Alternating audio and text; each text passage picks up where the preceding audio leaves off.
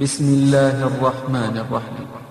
هل أتاك حديث الغاشية؟ وجوه يومئذ خاشعة. عاملة ناصبة. تصلى نارا حامية. تسقى من عين آنية. ليس لهم طعام إلا من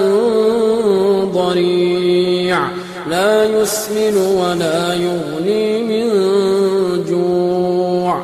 وجوه يومئذ ناعمة لسعيها راضية في جنة عالية لا تسمع فيها لاغية فيها عين جارية فيها سرر مرفوعة وأكواب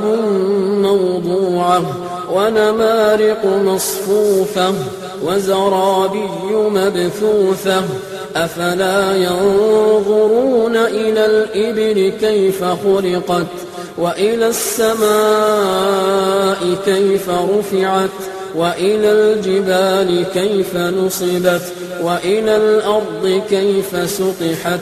فذكر إنما أنت مذكر لست عليهم بمسيطر إلا من تولى وكفر فيعذبه الله العذاب الأكبر إن إلينا إيابهم ثم إن علينا حسابهم